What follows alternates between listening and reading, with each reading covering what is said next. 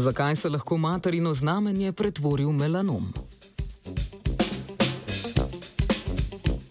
Raziskovalna skupina z Univerze v Kaliforniji je prejšnji teden v znanstveni reviji eLife objavila raziskavo o tem, kako se lahko iz materinega znamenja razvije melanom.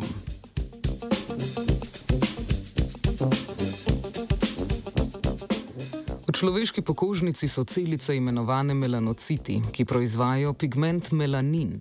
Kadar v teh celicah pride do mutacije gena BRAF, se lahko namnožijo v benigno materino znamenje, lahko pa pride tudi do razvoja melanoma, ki je smrtno nevarna oblika kožnega raka.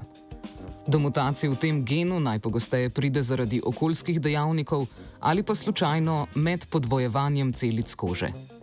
Ne glede na to, kako do mutacij pride, pa lahko ta povzroči pretirano delitev celic, ki lahko vodi v razvoj raka. Zaradi mutacije se lahko tudi zgodi, da po določenem številu delitev celice to sposobnost popolnoma izgubijo in preidejo v stanje celične senescence, to je trajno nedeleče stanje. Raziskovalke in raziskovalci pa so v svoji raziskavi predstavili mehanizem, po katerem je možno, da celice nedolžnega materinega znamenja ponovno pridobijo sposobnost delitve in s tem preidejo v maligno stanje. Raziskave so se lotili na nivoju transkriptoma. Izvedli so ekstrakcijo molekul RNK iz celic zdravega tkiva, znamen in melanomov, določili zaporedje RNK, podatke pa na koncu računalniško obdelali in jih primerjali med seboj. Identificirali so tri molekule mikro-RNK, ki so se v normalno delečih se celicah izražale različno kot v celicah melanoma.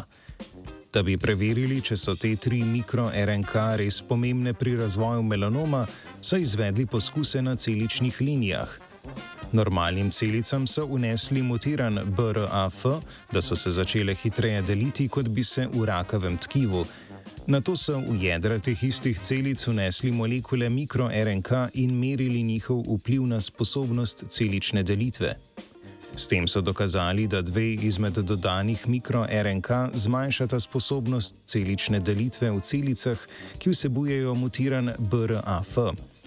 Prav tako je dodatek teh dveh molekul spremenil izražanje gena za protein Aurora B kinaza, ki sodeluje pri podvajanju DNK. Zaradi tega sklepajo, da mutacija v genu BRAF prek dveh mikro-RNK vpliva na protein aurora in s tem ustavi delitev v mutiranih melanocitih.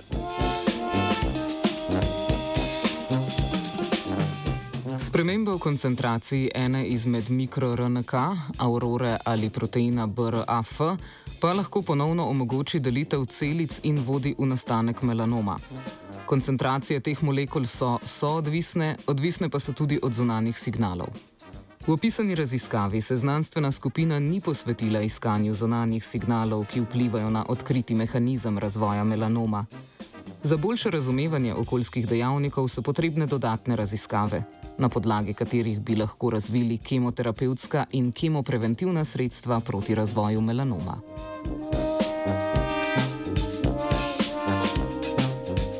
Melanom je zdravila vajenka Nika.